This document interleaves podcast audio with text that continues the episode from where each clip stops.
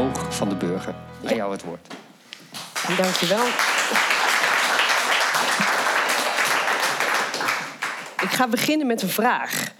Namelijk, ik wil jullie weten nu dat ik een buitenstaander ben, maar ik vraag me af, wie is hier bestuurskundige? En wie is hier um, planoloog? Ook een paar. En, en uh, is er hier ook een ambtenaar in de zaal? Yes, gelukkig. En, en misschien bestuurders?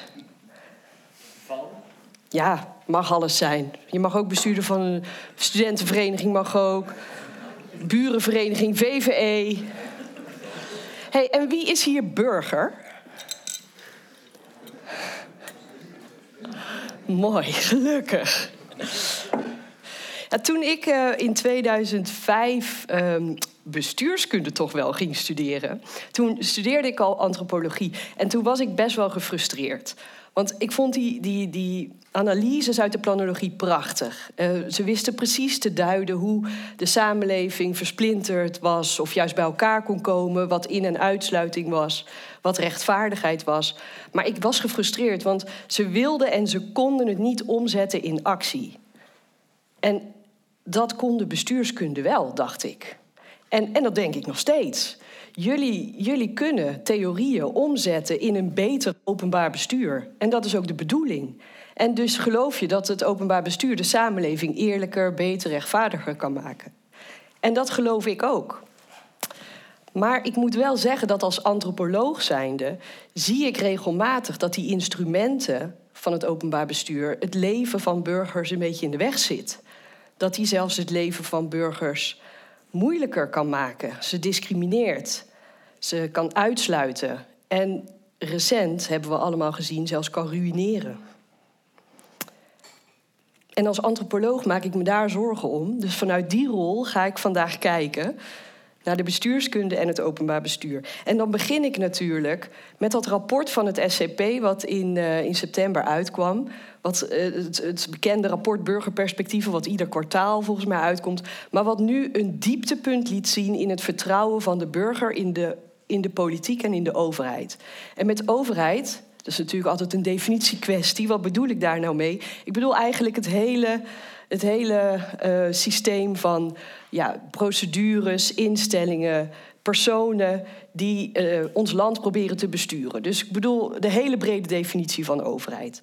En ja, in dat rapport lezen we niet alleen dat de burger zo weinig vertrouwen heeft in de politiek of de overheid, maar ook dat burgers denken dat politici niet in staat zijn om hun problemen op te lossen, maar ook niet hun problemen willen oplossen. Dat vond ik echt heftig. Dacht ik, wow. Als de burger denkt dat, dat de politici niet in staat zijn, oké. Maar als ze zelfs twijfelen of, die, of zij het willen, ja, dan begrijp ik wel waarom er zo'n laag vertrouwen is in de overheid.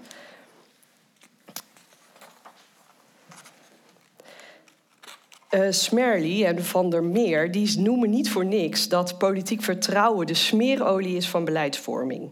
Als er weinig vertrouwen is in de politiek, dan kan dat ertoe leiden dat mensen zich actief gaan afzetten of dat ze afhaken. En als we kijken naar de protesten die we de afgelopen zomer hebben gezien, we kijken naar de protesten van twee weken geleden van de Samen voor Nederland actiegroep, we kijken naar de protesten tegen het coronabeleid, dan zou je kunnen zeggen, inderdaad, mensen haken af. Uh, en daarom kan het niet anders dat het jullie zorgen baart, dat vertrouwen, die relatie tussen de burger en de overheid. En het ministerie van Binnenlandse Zaken is ook doordrongen. Zij stellen op hun website dat het openbaar bestuur de verbinding is tussen de samenleving en de overheid. Dus dat het doel van het openbaar bestuur een brug slaan tussen die twee is. Nou, stel je eens voor, je gaat een brug bouwen. Hè? Wat, wat heb je dan nodig? Ten eerste heb je natuurlijk iets nodig over de afstand. Wat is de afstand tussen die twee kanten? Want je moet weten hoe lang de brug gaat zijn. Maar je moet ook weten wat het aanlandingspunt is van die brug. Dus je moet weten wat de ondergrond is. Is het bos, is het moeras? Zijn het heuvels, zijn het dalen? Wat is het klimaat? Wat zijn de levensomstandigheden? En dat wil je niet alleen weten aan één kant, dat wil je ook weten aan de andere kant van de brug. Dus eigenlijk voor een verbinding heb je twee kanten nodig. En nu lijkt het een beetje alsof de bestuurskunde, maar ook het openbaar bestuur in zijn algemeenheid, heel veel weten van één kant van die brug. Maar die andere kant van de brug, die kant en de samenleving, dat ze ja, die vooral vatten in statistieken. Statistieken over tevredenheid, statistieken over wat voor problemen zijn er waarschijnlijk onder die mensen. En ze gebruiken die getallen om die burger groepen, zodat het overzichtelijk wordt. Inkomensgroepen, opleidingsniveaus, etnische groepen, leefstijlen, manieren om te klassificeren. En die, die geschatte cijfers die, die, over die problemen. gaat steeds aan en uit. Is because ja? Zo beter? Ja. Um, die cijfers die vormen eigenlijk de basis voor beleidsmaken. Dus dat is een beetje zo alsof je aan de ene kant van de snelweg alles weet over hoe je een hele high-tech snelweg moet aanleggen die jou op de allerefficiëntste manier bovenop die brug weet te krijgen, maar dat je dan als je boven bent een soort statistische berekening doet, een soort kansberekening over of je wel of niet daar een ravijn in gaat storten. Dat werkt natuurlijk niet. We hebben evenveel, kant, evenveel kennis nodig over die kant van de brug als van die kant van de brug, als we een verbinding willen leggen tussen de overheid en de burger. En nu weten we ook van het recente boek van Deborah Stone dat cijfers niet alleen uh, ja, klassificeren, we weten ook dat ze, dat ze eigenlijk uh, kunnen manipuleren. Dus het werkt een beetje zo van wat je verwacht, dat ga je tellen. En dan tel je en daardoor zie je het ook. En dan zeg je, oh, dat zie ik. Nou, dan maken we daar beleid op. Dus bijvoorbeeld, als het gaat over leefbaarheid. Um, je verwacht dat mensen met een laag inkomen in wijken vooral wonen in die wijken waar de leefbaarheid laag is. En dan ga je vervolgens percentages huurwoningen meenemen in de berekening over die leefbaarheidscijfers. Ja, dan kom je nogal snel tot de conclusie dat mensen met lage inkomens inderdaad in minder leefbare wijken wonen. Dan vraag ik me dus af, zijn die onderzoekers of die ambtenaren die wijk wel eens in geweest? Hebben ze wel eens aan tafel gezeten bij die mensen? Hebben ze wel eens gewoon gevraagd: hé, hey, waar maakt u zich zorgen over? Hebben ze wel eens gekeken hoe die mensen heel tactisch en informeel omgaan met vragen over leefbaarheid en veiligheid? En hebben ze wel eens bedacht: hé, hey, misschien bepaalt dat wel hoe zij leefbaarheid ervaren?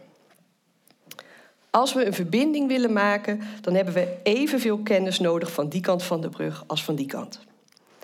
En in een recente literatuurscan die ik deed, um, waarin ik dan twee ja, uh, prominente bestuurskundige tijdschriften heb genomen, internationale, pardon, um, maar ik dacht, laat ik het ook internationaal trekken. Laat niet alleen naar Nederland kijken. Dus ze ging kijken naar public administration en uh, policy and politics. En ik, ik typte in, in de afgelopen twee jaar... wat er allemaal was gepubliceerd met de key citizen en experience. En er kwamen echt veel resultaten. Bij public administration kwamen er 94... en bij policy and politics 47. Eh, maar van die 94 hadden er tien het woord burger in de titel. En bij Policy and Politics nul. En van al die artikelen ging ik lezen... waar gaan ze nou eigenlijk over als ze burger zeggen in de samenvatting? En toen kwam ik eigenlijk tot de conclusie... het gaat niet over burgers. Het gaat over nudging, hoe je die burgers kan nudgen. Het gaat over publiek-private samenwerkingsverbanden. En het gaat ook over uh, bureaucratische representativiteit richting de burger.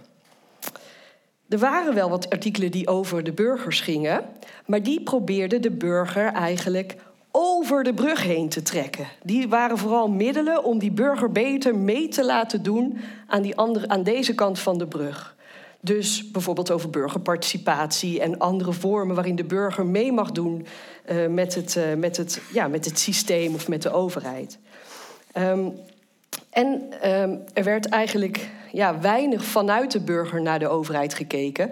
Behalve als de burger als klant de overheid mocht waarderen. Dus als hij zijn mening erover mocht geven. Maar meningen over de overheid zijn niet, is geen informatie over wat die burger daar allemaal ervaart. Het geeft geen informatie over het aanlandingspunt. En het geeft ook niet um, informatie over het contact tussen wat je, hebt, wat je hebt als je de burger gaat ontmoeten. En er waren wel wat uitzonderingen uit de interpretatieve hoek, namelijk uh, van uh, Anna Durnova en Piers. Die zeiden je moet veel meer naar emoties gaan kijken als je de burger wil begrijpen. En dat waren twee artikelen. Dus van de 141 artikelen in die twee tijdschriften waren er twee die over de ervaringen van burgers gingen. Kim Putters die beargumenteerde hier vorig jaar eh, dat de praktijk van het openbaar bestuur ook eigenlijk weinig inzicht heeft in hoe het echt met mensen gaat. Uh, dus hij stelde voor dat beleid veel beter aan moet sluiten bij de levensloop van de burger. Nou, daar ben ik het echt helemaal mee eens natuurlijk. Hij, hij probeert die brug te bouwen. Hoe sluiten we erop aan? Maar zijn brug heeft nog eenrichtingsverkeer van de overheid richting de burger. Wat gaan we zien als we het omdraaien? Dat is mijn vraag voor vandaag. En voordat je nou gaat denken, hey, maar wacht eens even, wat doet zij hier? Dit is het werk van sociologen, toch? Dat doen wij niet als bestuurskundigen. Ook sociologen doen dat niet echt. Nee, in een, in een, in een recent essay van Jelle van der Meer en Marcel Ham, um, waarin ze twintig jaar uh, sociologie over de boze burger op een rij zetten, proberen ze de burger wel te duiden, maar komen ze dus tot de conclusie dat we meer met de burger moeten verbinden. Dus het is niet het, het startpunt, het is de conclusie. En eerlijk gezegd, in de bestuurskunde is er wel echt een stroming natuurlijk aan de hand op dit moment. Meerdere van jullie zullen er onderdeel van zijn. Die zeggen als bestuurskundigen moeten we veel kritischer zijn. We moeten veel meer tegenspreken. De kritische bestuurskunde. Er is een NIG-colloquium over. Um, er is laatst een themanummer verschenen van, Lars van, van uh, Robert van Putten, Lars Doren en Willem Trommel. Uh, er zijn artikelen verschenen van Mark van Ostaaien. Uh, de afscheidsreden van professor Koppenjan ging hierover. En, en die roepen eigenlijk op tot een kritische bestuurskunde die meer reflexieve kennis ontwikkelt en die daarmee dan het democratische proces veel meer uh, bevordert. Dat is een mooi, ja, een mooi uitgangspunt, zou ik zeggen. En nu ga ik citeren. Ze zeggen: Het zou zowel de uitgangspunten van het vakgebied als object van studie moeten nemen, maar ook de beleidspraktijk en de politieke realiteit. Dus wacht even, het vakgebied, de beleidspraktijk en de politieke realiteit. Waar is de burger? Ook in de kritische bestuurskunde. Moeten we die burger dan begrijpen in een soort abstracte vorm van oké, dit is die burger die valt onder de politieke realiteit? Of is die burger en al zijn, uh, ja, zijn ontevredenheden, is dat de politieke realiteit? Ik zou zeggen nee, we moeten veel meer onderzoek doen naar die burger. En we moeten er veel dichterbij komen. Dus um, ik wil vandaag een pleidooi houden voor een kritische bestuurskunde dat in staat is om werkelijk door de ogen van burgers te kijken. En daarmee het openbaar bestuur en de overheid kan voeden met kennis vanuit het perspectief van de burger. En die dus niet probeert om die wereld aan de overkant van de brug te gaan klassificeren, maar die gewoon durft zich daarin onder te dompelen. Gewoon durft om onderdeel te worden van die ongeordende en onzekere realiteit waar burgers in leven. En een bestuurskunde die zich persoonlijk durft te verbinden. En niet met burgers, maar met mensen. Nou, ik ga deze agenda uitleggen aan de hand van twee kritieke momenten. Waarin de overheid die burger eigenlijk in levende lijven ontmoet. Dus kleine kritieke momenten waarin die ontmoeting plaatsvindt. Want dat is, wat mij betreft, een hele mooie lens om te zien hoe die burger en die overheid met elkaar in contact komen en hoe die burger de overheid ervaart. Uh, kritieke momenten zijn niet anekdotisch. Kritieke momenten laten meer zien dan alleen dat kleine verhaal. En um, tijdens kritieke, dat is omdat tijdens kritieke momenten mensen hun, hun, hun verhaal, hun begrip van wat ze meemaken verandert. Dus hun ideeën over het verleden, het heden en de toekomst veranderen tijdens zo'n kritiek moment. En ook hun relatie tot degene met wie ze in zo'n kritiek moment komen verandert. Ik, ik zal er eens een voorbeeld van geven. Wie van jullie is er wel eens uh, vrolijk ergens gaan wandelen? Um, heb je echt genoten, heerlijke wandeling gemaakt. Maar toen kwam je later in je hotel of waar dan ook aan. En toen vertelden die mensen dat was levensgevaarlijk. Dat had je nooit moeten doen. Toch, in het buitenland loop je wel eens ergens. Dan krijg je laten horen, oh, wat heb ik gedaan? Nou, dat had ik ook een keer. In Chicago. Ik ging op, uh, op bezoek bij een professor aan de Universiteit van Chicago. Hij had me uitgenodigd. Ik denk, nou, hup, waar is die universiteit? Had metrohalte in de buurt. Ik loop daar even naartoe. Dus ik pak die metro en ik heb allemaal leuke gesprekken met mensen uh, tijdens die metro-rit. Uh, ik vraag nog allemaal mensen op straat: waar, waar moet ik naartoe? Met mijn rugzak, al mijn spullen. Waar moet ik ongeveer zijn? Oké, nou, ik loop 15 minuten. Kom ik daar aan, vraagt die professor: En hoe was je reis hier naartoe? Ik vertelde dat gewoon en hij zegt: Wat? Oh god, dat had je nooit moeten doen. Bleek nou dat ik blijkbaar door een van de gevaarlijkste ghetto's van Chicago was gaan lopen. En dat ik ook nog op de grens van twee rivaliserende gangs wandelde. Ja, die ene opmerking die veranderde mijn beeld van wat ik net had meegemaakt. Ineens dacht ik, ja, ik was de enige witte persoon in die metro inderdaad. Ja.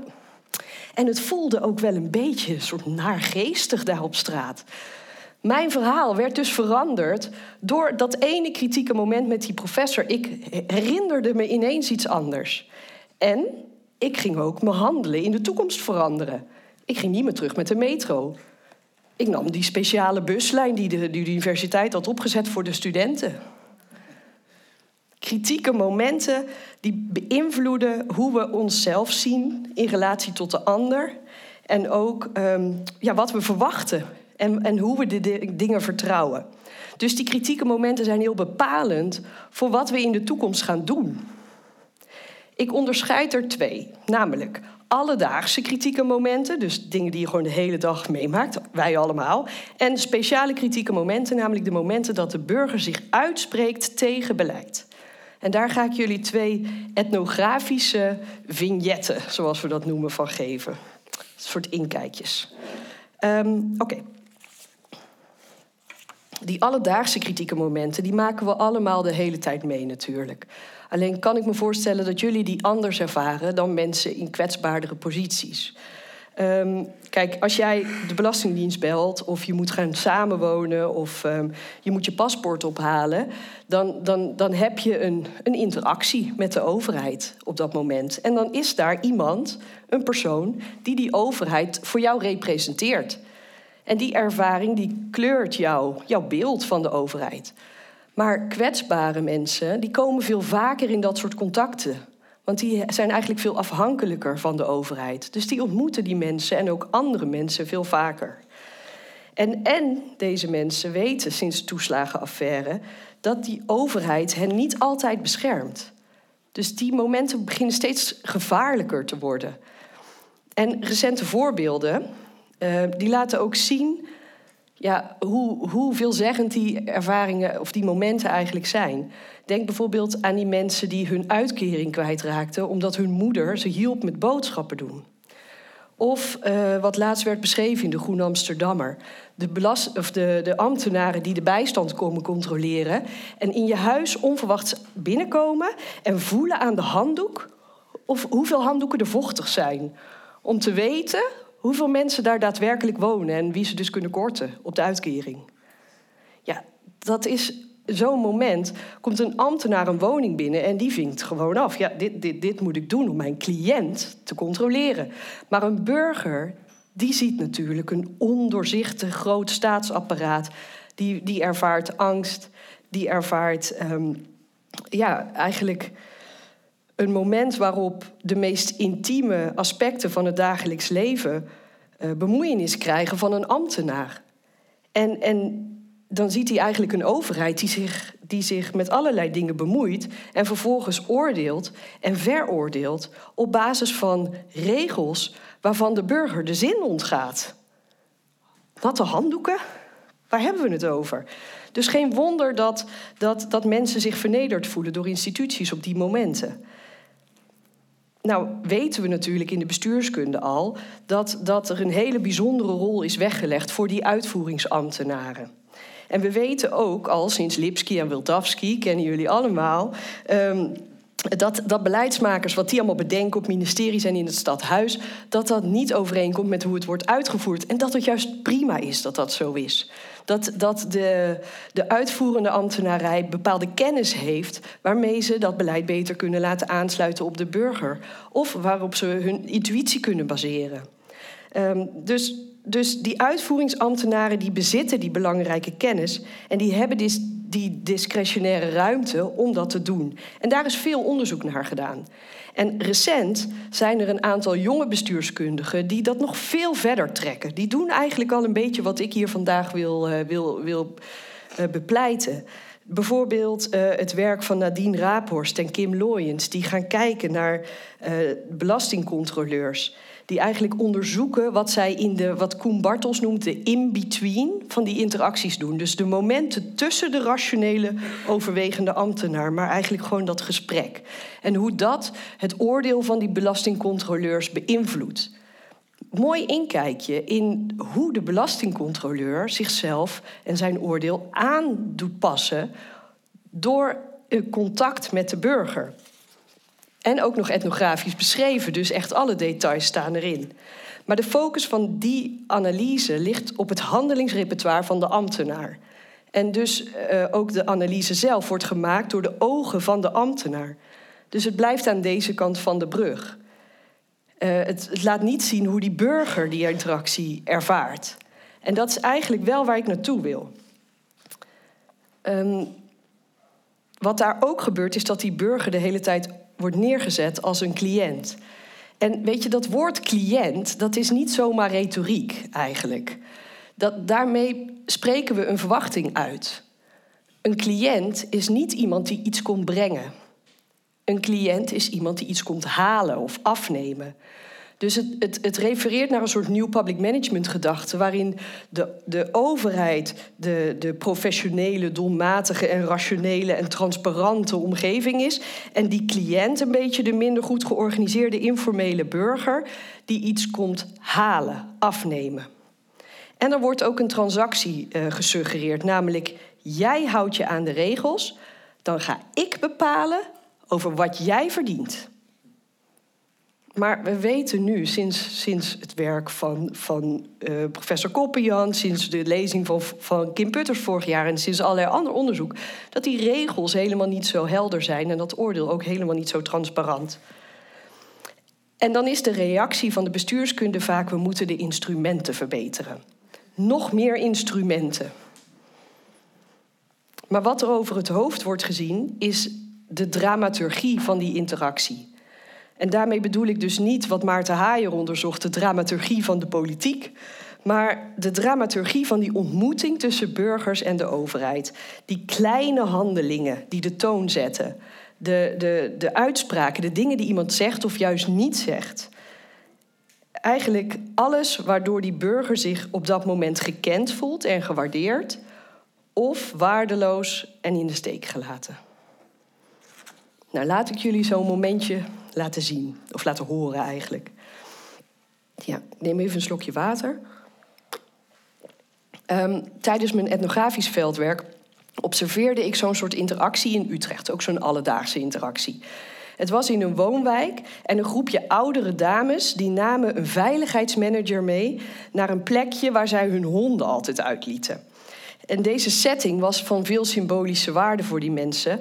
Want dat was de enige plek in de hele wijk waar die honden los mochten lopen. Nou, ik weet niet of er hier hondenliefhebbers in de zaal zitten, maar die plek waar je hond los mag is van belang in je buurt. Dat is voor jou een belangrijke plek. Um, nou, die, die dames die, die stonden daar, maar één dame die had daar een keer een ervaring gehad dat ze bedreigd was door een groepje jongeren die daar altijd op een bankje hingen. En hun reactie was niet om die veiligheidsmeter eh, heel diep naar beneden te laten inslaan. Nee, hun reactie was: we gaan het gewoon oplossen. Dus zij bedachten een hondenuitlaatclubje. En dat was een soort route waarmee ze om 11 uur s'avonds allemaal zeg maar, aansloten. Om dan allemaal samen de wandeling langs dat plekje waar die honden vrij mochten lopen te gaan maken. Dus, dus nou, dat was hun oplossing. Dan zeiden ze gewoon, nou, goedenavond tegen die jongeren en was er niks aan de hand. Maar de gemeente Utrecht die had een probleem, die wilde iets oplossen. Want namelijk die jongeren die hingen niet alleen daar, die hingen door de hele wijk verspreid. En ze hadden ook nog camera's opgehangen, waardoor ze nu nog meer verspreid waren. Dus ze konden het niet meer handelen. Ze wilden een overzichtelijke plek waar alle jongeren konden hangen. En dan hadden ze bedacht dat ze dat precies daar op dat hondenuitlaatplekje gingen neerzetten. Daar zouden ze een overdekt jongerenhangplek, een overdekte jongerenhangplek bouwen. Nou, luister naar deze scène. Want uh, die scène die speelt zich dus af op die symbolische plek. De jongere hangplek is nog niet gebouwd. En die dames die, die hebben dus die veiligheidsmanager daarmee naartoe getrokken... die ze tegenkwamen op een buurtfeest. En ik, etnograaf, ook aanwezig op zo'n buurtfeest. Ik dacht, oeh, dat is interessant. Ik ging erachteraan. Dus ik stond daar en dit te observeren. Um, en, en die mevrouw De Wit, die dus bedreigd was, die, die vertelde haar verhaal. En die begon meteen best wel emotioneel. Dus die, die zei, kijk, kijk, hier, hier, hier, precies, hier stond ik. En ik had mijn kinderwagen bij me met mijn kleinkind erin. En ja, toen kwamen ze van die kant aangelopen en ja, ze hebben me gewoon bedreigd. Oh, dat vind ik heel vervelend om te horen, mevrouw, zei de ambtenaar. Die andere dame die begon zich erin te mengen. Die zei, ja, maar, maar daarom hebben wij dus een hondenuitlaatclubje. Hè? Want dan kunnen we er gewoon langs. Er is niks aan de hand met die jongeren. Wij zijn er echt niet tegen. Wij hebben dat hondenuitlaatclubje. De prima oplossing. Prima, goede oplossing, zegt die ambtenaar. Maar die legt dus niet de link tussen wat ze daar van plan is te gaan doen en dit verhaal. Dus, dus dan moet mevrouw De Wit haar moed bij elkaar verzamelen. En die zegt: Ja, maar hey, als hier ineens 30 jongeren komen hangen, dan durven wij hier toch niet meer te lopen. Dan kunnen we niet eens meer onze hondjes uitlaten. Mevrouw, een jongerenhangplek is een belangrijke maatregel voor de veiligheid van de buurt. Ja, het is democratisch besloten. Ja, met die opmerking was het gesprek afgelopen. Dus die dames die laten hun schouders hangen, die lopen terug. En die ambtenaar die roept er nog achteraan: Het wordt echt veiliger hoor, geloof me, geloof me. Ja. Achteraf hè, was deze ambtenaar best wel trots. En jullie kijken verbaasd, maar deze was vertrots omdat zij vanuit haar script echt iets goeds had gedaan. Ze was afgedaald vanuit het stadhuis naar de wijk. Zij had direct met mensen gepraat over de toekomst van de wijk en ze had haar beleid kunnen uitleggen. Dat was al een grote stap voorwaarts natuurlijk. En dat is ook zo. Um, maar ja, die dames die waren heel teleurgesteld. Die, um, die zagen die interactie als iets waarin zij geen ruimte kregen om hun gevoel te delen, waarin ze niet erkend werden en ook niet gehoord. En voor hun was de buurt ook niet veiliger geworden. Wat moeten wij hier nou mee met zo'n klein verhaal? Kijk, het punt is natuurlijk niet dat die ambtenaar die mensen daar meteen gelijk had moeten geven. Dat is absoluut niet het punt.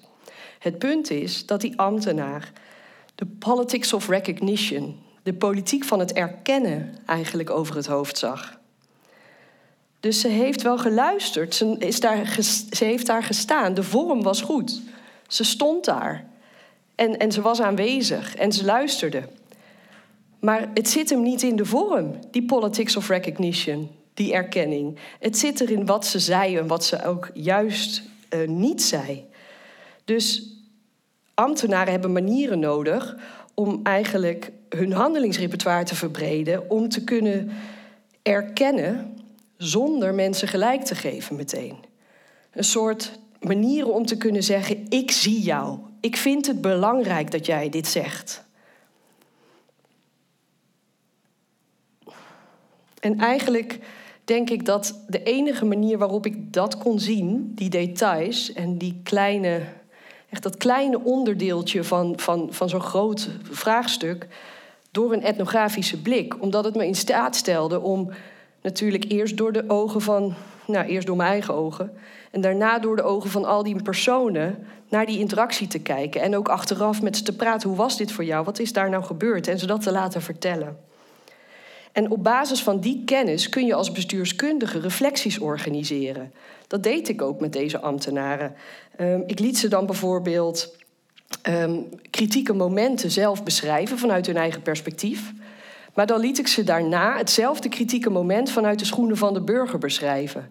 En ook deze ambtenaar, gewoon in dat reflectiegesprek, zag opeens: hé, hey, wow, ik was helemaal niet zo benaderbaar. Oh, heb ik helemaal geen erkenning gegeven aan wat die vrouw. Oh, dit had ik ook kunnen doen. Dus eigenlijk reflexieve kennis, waar we zo naar op zoek zijn in die kritische bestuurskunde, maar waarmee zij meteen haar handelingsrepertoire kon verbreden en wat ze kon gaan inzetten in toekomstige situaties. Het tweede soort kritieke moment, waarin de burger de staat tegenspreekt, is misschien nog wel belangrijker. Want dat is namelijk het moment waarop die burger besluit om zelf die brug op te gaan lopen. Hij wil of zij wil de verbinding aangaan. En we weten nu ook vanuit de politieke filosofie dat conflict en, en, en, en het niet met elkaar eens zijn de grond, de basis zijn voor onze democratie. Lees Chantal Mouffe of Hannah Arendt die zegt. Um, het, de groot, het grootste risico voor de democratie is om burgers die zich uitspreken te negeren of eigenlijk uit te sluiten. Als je vanuit die gedachte kijkt naar, naar burgers die tegenspreken, dan zijn burgers die tegenspreken eigenlijk een hele belangrijke politieke handeling aan het uitvoeren. En is het echt aan ons en aan bestuurders en ambtenaren om gebruik te maken van die politieke handeling, om, daar, om, om die van nut te laten zijn voor de democratie en daarmee dus nou ja, eigenlijk voor hun beleid. En ook natuurlijk voor de interactie en de verbinding met die burger op dat moment. En, en nu zijn er natuurlijk allerlei soorten protest. Dus uh, burgers, boeren, dan lijkt het alsof ik over de boerenbewegingen ga praten hier. Maar eigenlijk wilde ik dat dus ook niet doen. Want in die grote demonstraties, um, dus je kent ze op het Malieveld of nou ja, alle tractoren, had ik idee, naar, naar, naar een stadhuis daar op het plein voor de deur. Ja, daar heb je eigenlijk alleen maar een indirecte interactie tussen burgers en de staat. Er is daar niemand die de staat komt representeren en direct met deze mensen in gesprek gaat. Dat gebeurt allemaal achteraf. Het is pas later of ze beleid gaan veranderen op basis van die, van die acties. Maar ik ben meer geïnteresseerd in de momenten waarop de burger de staat wel direct ontmoet. Want daar kun je de verbinding echt leggen op een persoonlijke manier. Um, en dat zijn natuurlijk momenten van burgerparticipatie. Dat zijn eigenlijk de uitgelezen momenten waarop de burger de staat ontmoet. En het is helemaal uitgelezen voor uh, ambtenaren en bestuurders, want ze hebben best wel veel invloed daarop. Zij kunnen bepalen op welke onderwerpen zij burgers uitnodigen en waar het dan over gaat. Daar kunnen we natuurlijk ook allemaal tegen zijn. Zeggen van oké, nee, we willen alleen nog maar co-creatie of dingen van bottom-up. Ben ik ook helemaal voor. Maar in de realiteit is het zo dat de meeste processen van burgerparticipatie gewoon gaan over momenten waarin de staat of de overheid of de gemeente of wie dan ook iets heeft bedacht en de burger uitnodigt om daarover mee te denken. En ik zou zeggen, op die momenten kruipt dus dat, ja, eigenlijk de, de kwaliteit van het openbaar bestuur en het vertrouwen wat we daarin kunnen hebben, echt door het oog van de naald. Want dat is het moment waarop die burger eigenlijk gevraagd wordt om iets te komen vertellen. En wat wordt er dan met dat moment van protest gedaan?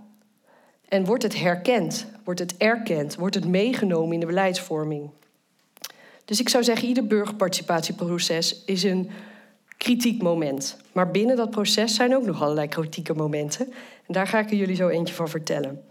En, en er is natuurlijk heel veel kennis hè, in de bestuurskunde al over hoe je die processen moet opzetten en zo. Daar, daar, wil ik, daar ga ik nu niet opeens op in, want dat is allemaal prima bedacht. Um, maar ja, als burgers naar een burgerparticipatieproces kijken, dan verwachten zij eigenlijk dat de overheid hun leven, hun landschap, hun kant van de brug komt onderzoeken en die kennis meeneemt om beleid op te baseren en beleid beter aan te laten sluiten. Dat is hun verwachting. Maar in realiteit is burgerparticipatie vaak: er is al beleid en we willen dat jullie dat legitimeren. Kom maar, kom maar vertellen. Dat is, en dus de, de overkant wordt meestal niet gehaald. En de kritieke momenten in die burgerparticipatieprocessen die laten ook zien dat kleine uh, momenten van protest heel vaak over het hoofd worden gezien.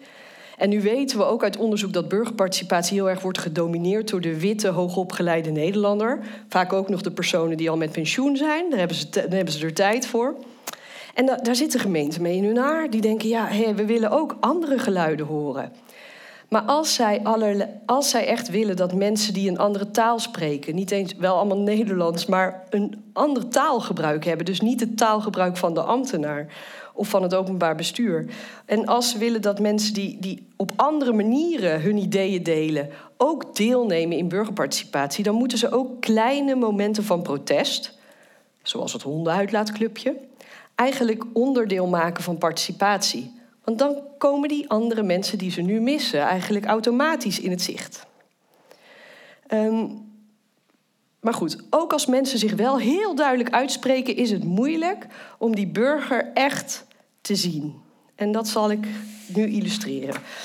Want kijk, in Amsterdam deed ik ook weer etnografisch onderzoek naar een burgerparticipatieproces. En daar hadden ze de opdracht om woontorens te bouwen. Op een hele beperkt stukje land moesten drie hoge torens komen.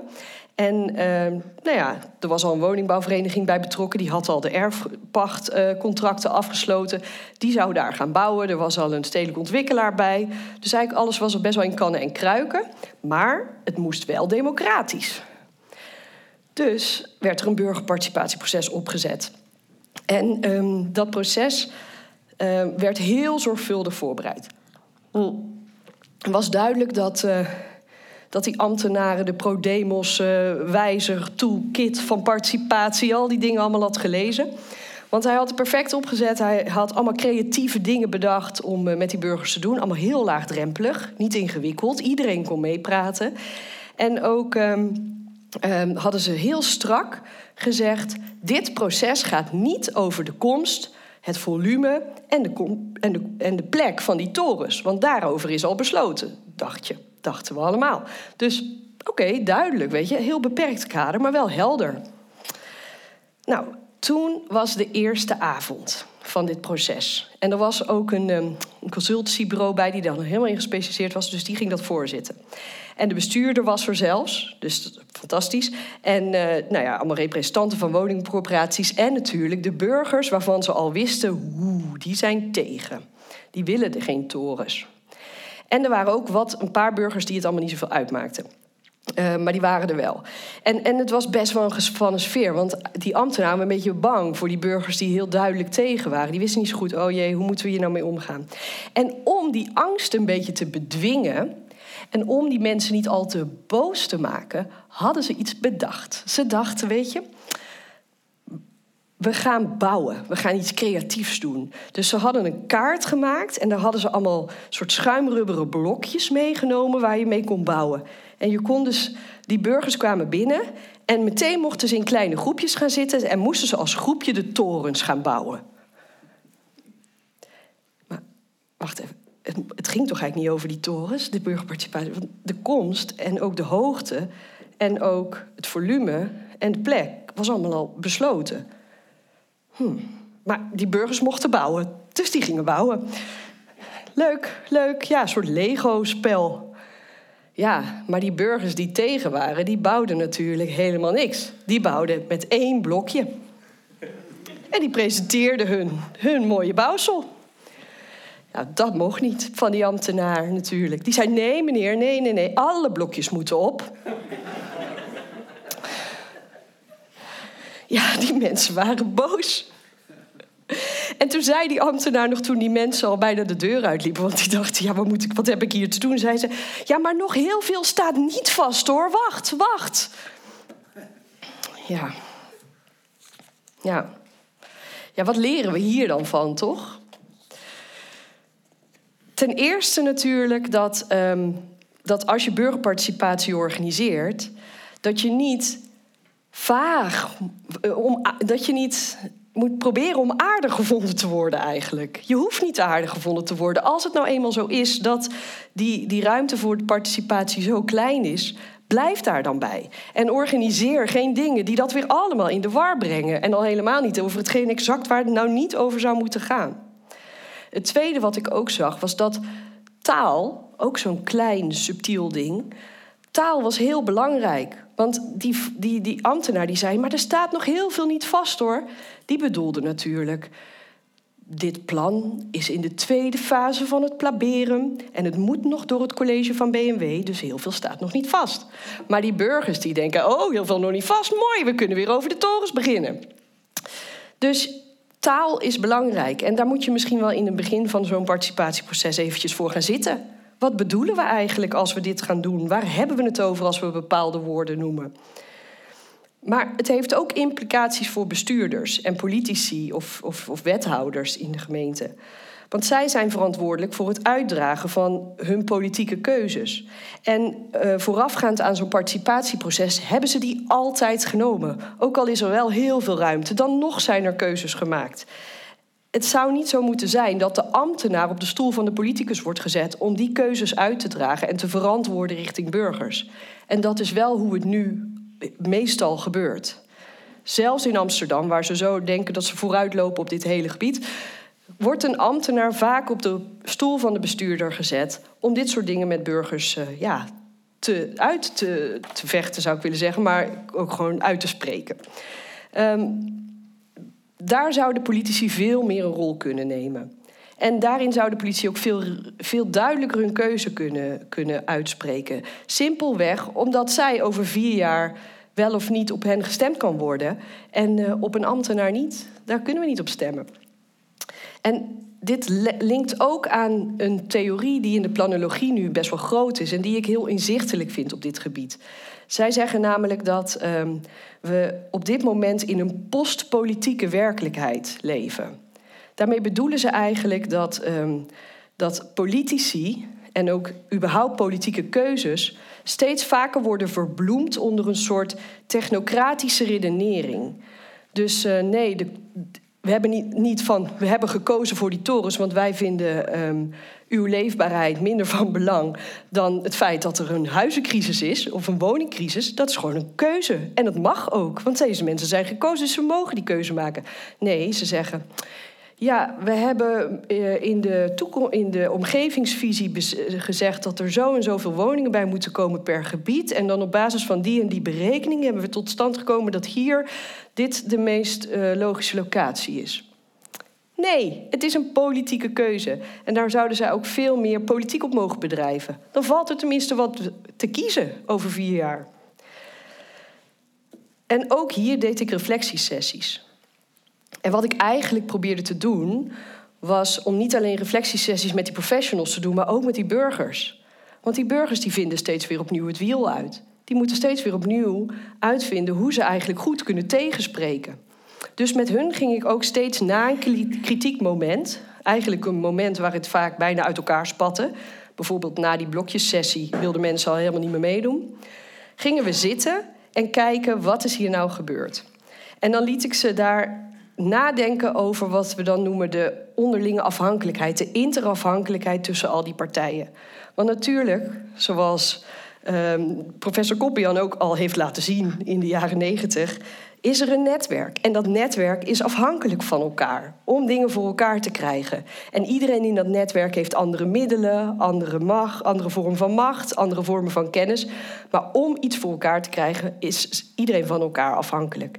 En door dat zichtbaar te maken in een hele specifieke casus, begreep iedereen: oh wacht, helemaal eruit stappen is geen optie. Maar ik kan wel duidelijk maken wat ik wil en wanneer ik er misschien wel uit ga stappen. Want dan gaat die ander ook weer meer beter naar mij kijken. Nou, die reflectiesessies die, uh, die hielpen heel erg om, om na te denken over de volgende stap in het proces. Maar ik liet ze achteraf ook kritieke momenten optekenen. Um, van wat zij allemaal belangrijk vonden in het proces. En dat was ook heel inzichtelijk. Want toen kreeg ik dus van iedere partij een volledig andere tijdslijn toegestuurd. Dus wat voor de een kritiek was en superbelangrijk, was voor de ander niet eens belangrijk genoeg om op te schrijven. En wat ook bijna overal gebeurde in al die participatieprocessen, is dat die tijdslijn van bewoners jaren eerder begon dan die tijdslijn van ambtenaren. Ja, dan begrijp je meteen waarom hetzelfde proces voor verschillende mensen zoiets anders betekent. En dan kun je dus ook zeggen: hé, hey, we gaan aandacht schenken aan die emoties en die herinneringen aan het verleden, aan het begin en de start van een participatieproces, zodat die een plek krijgen daar en we niet net doen alsof dat nooit is gebeurd. En zodat we die kennis die daar al is geproduceerd ook kunnen meenemen. Nou, dit is natuurlijk een vorm van actieonderzoek, wat mijn positionaliteit soms in de war heeft geschopt.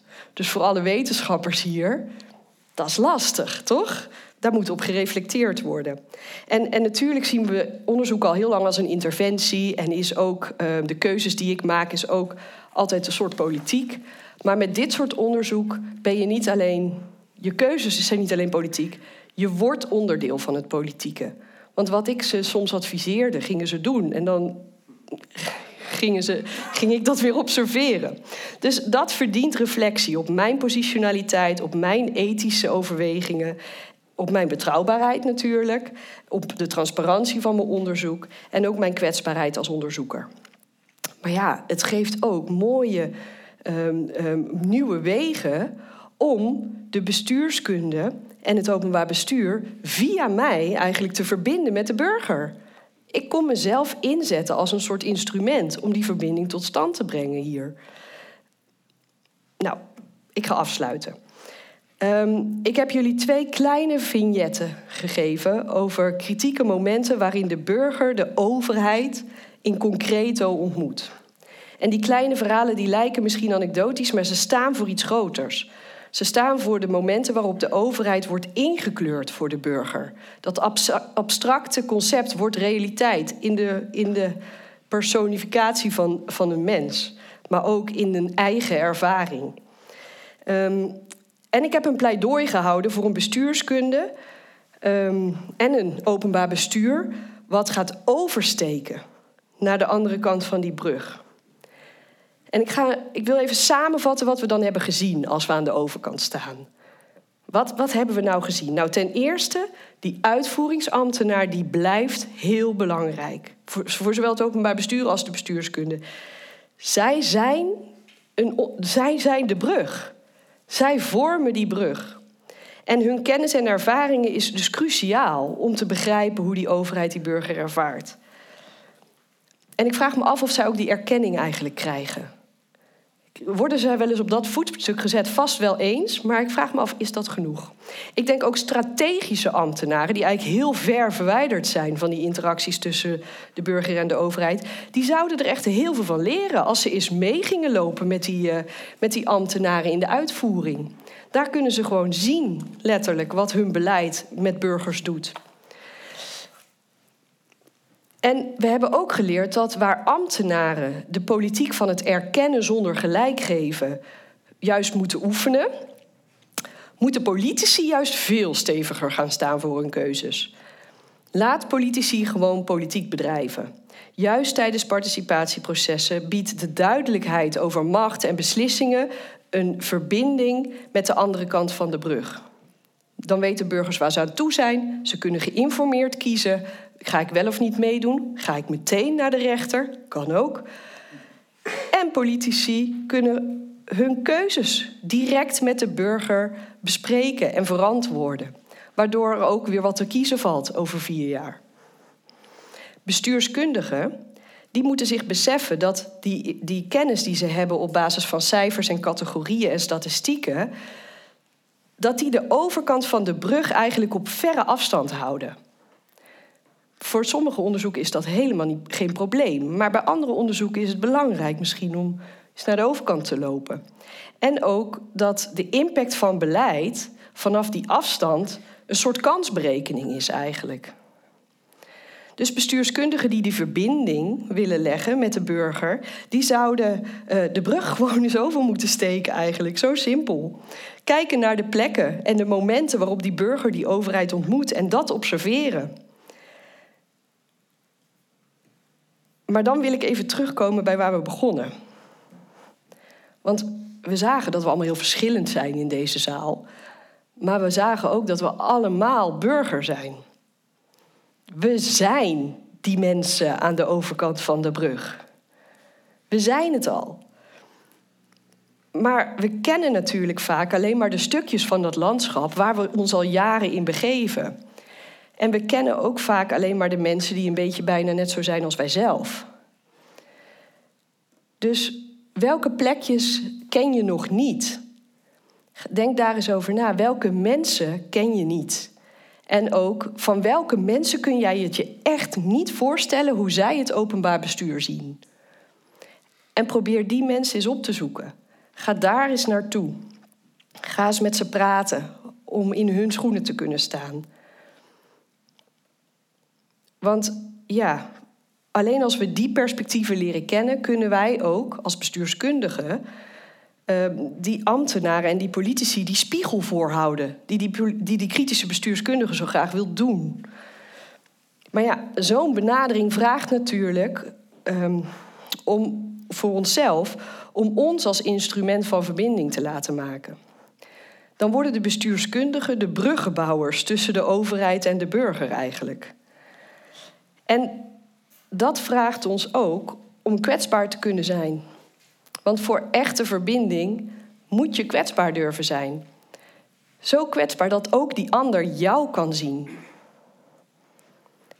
Dus als bestuurskundige, bestuurders of ambtenaren echt door de ogen van de burger willen kijken, dan moeten ze hun eigen kwetsbaarheid onderdeel maken van de onderzoeksmethode die ze gebruiken. En dan wordt verbinden ons doel.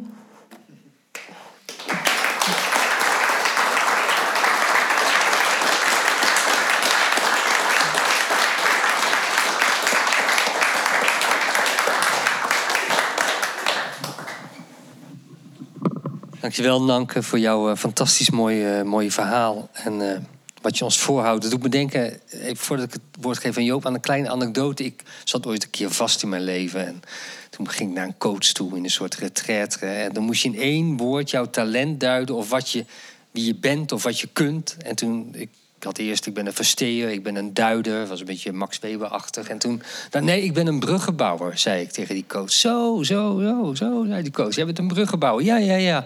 ja mm, wat verbind jij dan zoal? Nou ja, ik, eh, tussen disciplines, tussen leefwereld, systeemwereld, tussen, uh, noem maar op. Zo, dat is interessant. En als die brug er ligt, komen jouw collega's dan over de brug? Nou, nee, dat valt eigenlijk vies tegen, zei ik zo ben je toch een veerbootkapitein, jongen. dat is het. Oké, okay. Joop, aan jou het woord.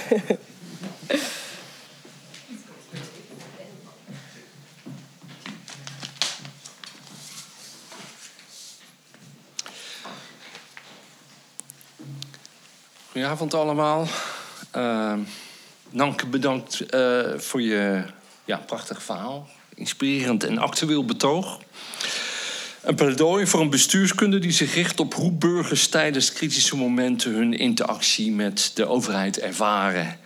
En hoe de teleurstellingen die daar vaak uit voortvloeien kunnen worden voorkomen. Dat is een schot in de roos.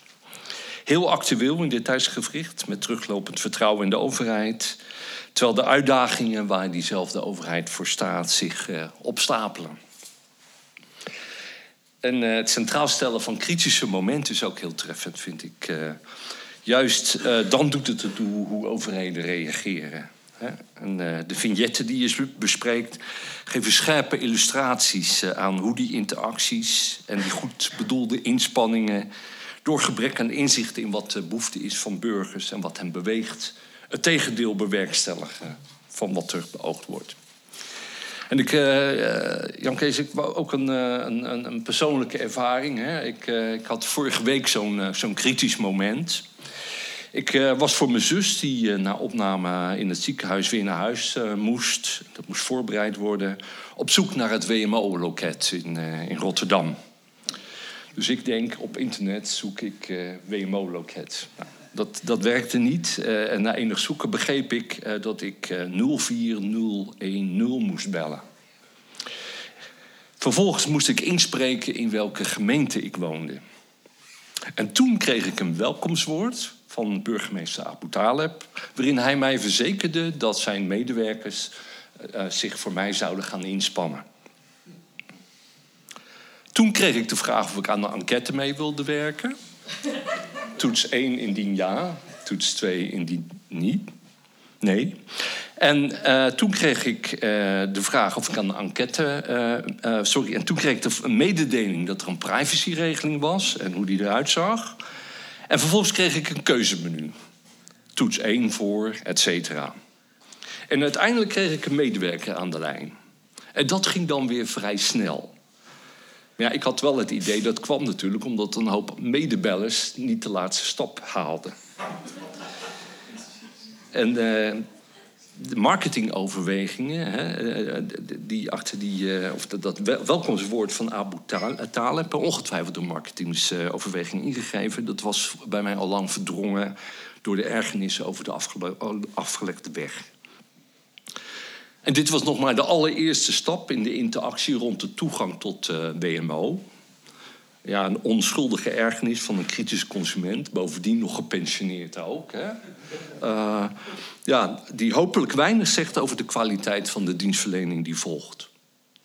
Als die volgt. Want er is ook een wachttijd en we krijgen pas over een tijdje het, uh, het resultaat.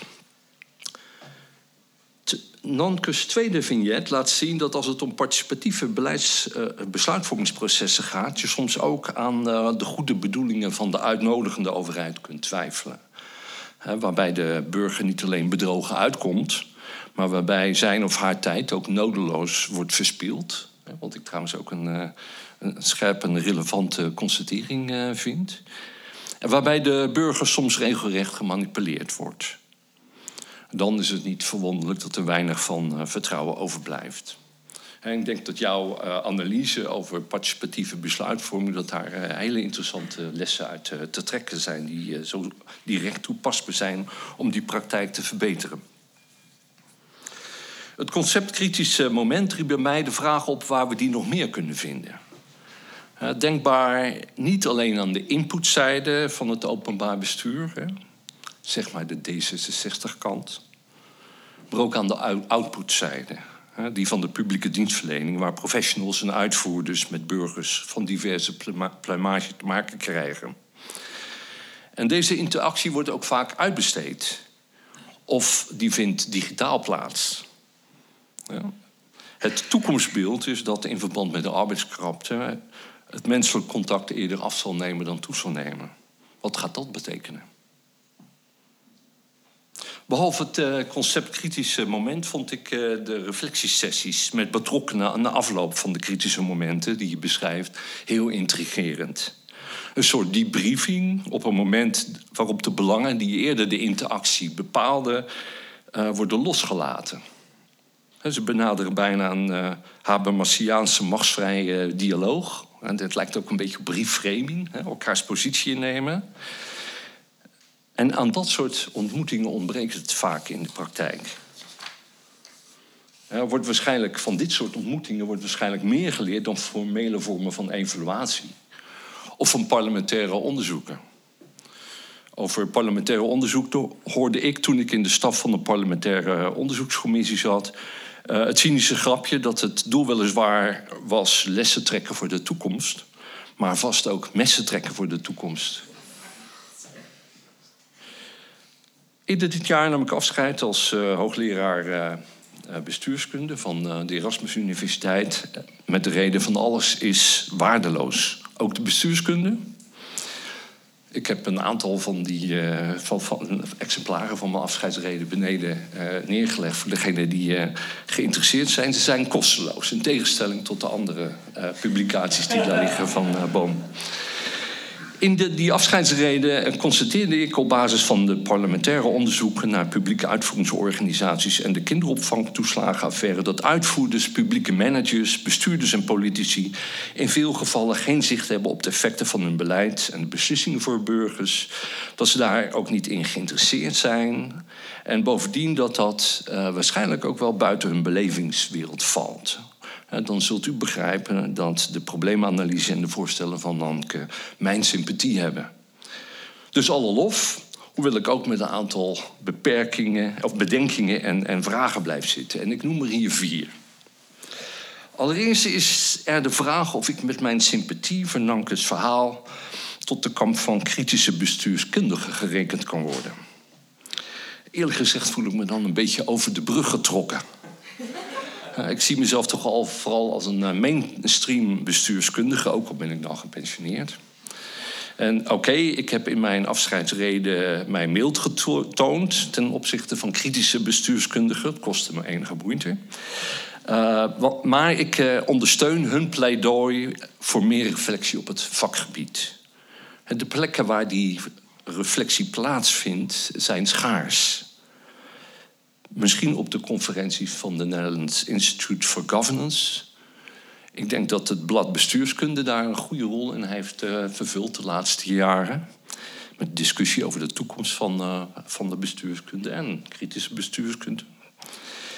En wellicht gaat het ook om gelegenheden zoals deze. Maar al met al is dat toch wel wat mager. Maar in mijn afscheidsreden heb ik ook aangegeven dat het beeld dat kritisch bestuurskundigen van de bestuurskunde schetsen nogal karikaturaal is. Over welke bestuurskunde hebben ze nou eigenlijk? De Nederlandse? De bestuurskunde wordt vaak gelijkgesteld met een positivistische, objectieve wetenschapsbeoefening. die bovendien het gedachtegoed van het New Public Management zou propageren. En uh, jij maakt je misschien er ook wel een, uh, een beetje schuldig aan... door te zeggen dat bestuurskundigen zich vooral, uh, vooral in cijfers en statistieken geïnteresseerd zijn. En je hebt heel goed betoogd dat, dat ja, directe contact en, en etnografisch onderzoek heel belangrijk is... Uh, maar anderzijds zijn cijfers en statistieken, maar dat ontken je eigenlijk ook niet. Hè. Die zijn soms belangrijk om een algemene beeld te krijgen. En een probleem of een lokale situatie in perspectief te plaatsen. Bijvoorbeeld als het gaat over de cijfers, over het vertrouwen in de politiek. Ik ken de bestuurskunde als een pluriforme eh, discipline, waarin ruimte is voor meerdere wetenschapsopvattingen. En wat mij betreft eh, verdient een etnografische benadering en actieonderzoek gewoon een plaats in de mainstream bestuurskunde. En is het etiket kritische bestuurskunde niet echt nodig. Op de tweede plaats worstel, worstel ik met het beeld van de burger dat uit jouw betoog naar voren komt. En de rol van de overheid en overheidsfunctionarissen die daaruit voortvloeit. Het lijkt er een beetje op dat, dat burgers een homogene groep vormen. Nou, misschien is dat te, te stellen gezet. Maar wel dat burgers altijd het, het goede voor hebben en dat bestuurskundigen voor de belangen van de burger moeten gaan staan. Maar burgers willen heel verschillende dingen. En sommigen willen helemaal niet de brug oversteken. En sommigen willen misschien zelfs die brug wel in de brand steken. Er is alle reden om ons in de behoeften en strevingen van burgers te verdiepen. Maar er zijn vele en tegenstrijdige claims en eisen van verschillende groepen, stakeholders. En de vraag is of de verbindende rol de enige is die de overheid en frontlijnwerkers en dus ook bestuurskundigen te vervullen hebben. Vandaar misschien ook dat uh, jouw handelingsrepertoire niet alleen gaat over de erkenning geven aan, aan burgers, maar ook om uh, grenzen te stellen en nee te zeggen. En dit handelingsrepertoire betreft het derde punt waar ik het over wil hebben. Als dat de manier is waarop de overheid burgers tegemoet treedt, dan lijkt het vertrouwensprobleem teruggebracht tot een communicatieopgave met een communicatiestrategie als oplossing. Nou, we moeten allemaal beter leren communiceren. Zacht op de relatie, hard op de inhoud. Het gaat vooral om de toon, zoals we van de bemiddeling van Remkes in de stikstofcasus al hadden kunnen leren. De toon. Maar is dat genoeg? En hoe eerlijk is dat? Natuurlijk is het van belang dat de overheid eerlijk communiceert over haar beleid en de kaders. Maar de burger gaat het niet alleen om het spel, maar ook om de knikkers. Zeker in het huidige tijdsgevricht zal het terugwinnen van het vertrouwen prestaties van overheden vragen. Ze moeten niet alleen begrip tonen, maar ook met prestaties over de brug komen. En, daarmee, en daar waar nee verkocht moet worden, moeten ze perspectief bieden. Dat vraagt om een lange termijnvisie en beleid gericht op de lange termijn. Kwalitatief goede interacties op kritische momenten zijn belangrijk, maar er is meer nodig. Ten vierde is de focus op de dramaturgie van de interacties tussen overheden en burgers op kritische momenten weliswaar heel cruciaal en bepalend voor hoe burgers naar de overheid kijken. Maar ja, het is toch ook wel erg lokaal en erg micro. Hè? En, en, en, er is meer in dat systeem, dat bestuurlijke systeem gaande. Het stelt ook hoge eisen aan frontlijnwerkers, aan uitvoerders, waarbij het de vraag is of die reëel zijn, gegeven de beperkingen waarmee die te maken hebben. En ook de leerervaringen van reflectiesessies zijn lokaal, waarbij de vraag is hoe die lessen verspreid kunnen worden en leerervaringen kunnen beklijven.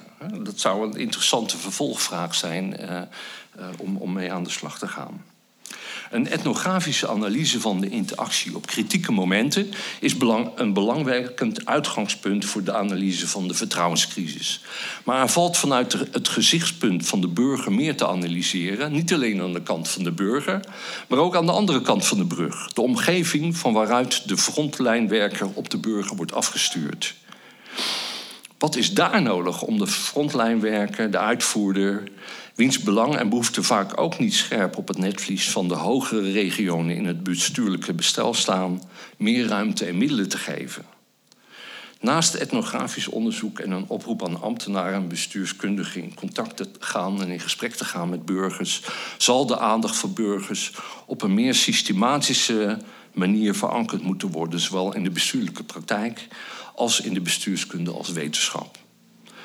Als het waar is dat in de bestuurs, bestuurlijke praktijk en de bestuurskunde een instrumentele, ja, technocratische mentaliteit overheerst, zoals uh, bijvoorbeeld Cenk Willink en Kim Putters hebben gesteld, dan zijn er nog vele hordes te nemen voordat wij de, door de ogen van de burger uh, leren kijken. Maar dat is geen reden om daar niet op in te zetten. Een van de founding fathers van de Nederlandse bestuurskunde, Andries Hogewerf, schreef ook het boek Vanaf de top gezien. Waarin hij percepties van topambtenaren op de werking van het publieke bestel in kaart bracht. De aandacht voor de burger, waar Nancom vraagt, vat ik op als een oproep om voor een meer ambitieuzere heroriëntatie van de mainstream bestuurskunde in zowel het wetenschappelijk onderzoek en het wetenschappelijk onderwijs enerzijds en de praktijk anderzijds. Met als richtinggevend motto van onderaf gezien. Bedankt voor uw aandacht en ik ben benieuwd naar de verdere gedachtenwisseling.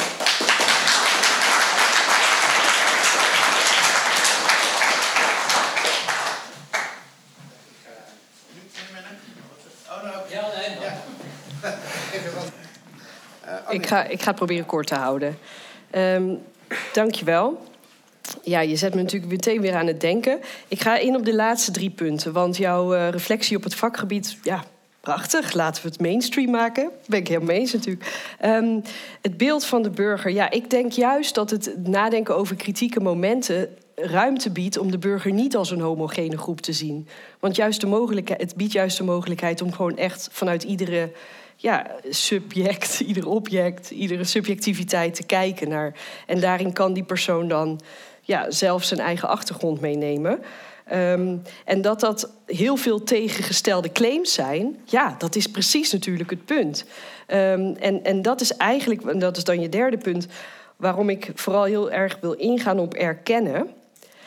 Um, ik denk juist, jij zegt, het gaat die burger niet alleen om, om, om, uh, om het, de erkenning, maar ook om de knikkers. En als je alleen op die erkenning gaat zitten, dan uh, wordt het een soort communicatiestrategie. En dit is echt natuurlijk hoe, als je mijn stukken zou lezen en je bent communicatiestrateeg bij de gemeente, denk je, yes, dit kunnen we doen. Dus het is heel gevaarlijk. Daar ben ik helemaal mee eens. Uh, dus dan moeten we heel helder maken dat het absoluut geen communicatiestrategie is. En ik denk ook in gemeenten zijn communicatieadviseurs vandaag de dag veel te machtig. Dus dat moeten we sowieso uitdragen. Um, maar voor mij is dat erkennen helemaal geen communicatiestrategie. Namelijk, het gaat indirect over die knikkers. En ik denk dat, dat, dat we in het gesprek met die burger het veel te makkelijk en heel de tijd alleen maar over die knikkers hebben. We gaan meteen over alle gevoeligheden heen naar: oké, waar moet het over gaan? We zijn efficiënt en doelmatig. En dus hebben we het over de dingen waar we denken: oké, daar, daar gaat het mis. Of dat wilt u van ons. Of zonder ooit stil te staan bij het belang van erkennen. En als je erkennen goed wil doen, dat is echt moeilijk. Je moet namelijk uh, die persoon kunnen lezen, die persoon kunnen beluisteren. Je moet door het luisteren heen horen: wie is dit? Waar komt hij vandaan? Wat voor zorg heeft die persoon? Um, waar, waar, waar hecht hij waarde aan? En dan pas kun je ook begrijpen wat het belang is wat die persoon heeft achter de positie die die inneemt. En dan kan je het belang erkennen in plaats van de positie bestrijden. En, en dat is wat ik bedoel met erkennen. Dus dat, dat, dat is van grote waarde. Plus het geeft je alle informatie over die knikkers. Dus ik zou echt willen oproepen voor, toch om met erkennen te beginnen. En dat echt tot een praktijk te maken. In plaats van daar gewoon overheen te gaan. En dan meteen maar hap, hap, hap, hier moeten we het over hebben. Ik denk dat dat echt iets doet met de relatie tussen, nou ja, op dat kritieke moment. Um, en dat brengt me dan dus ook bij die dramaturgie. Inderdaad, ik vraag veel van ze om dat te doen.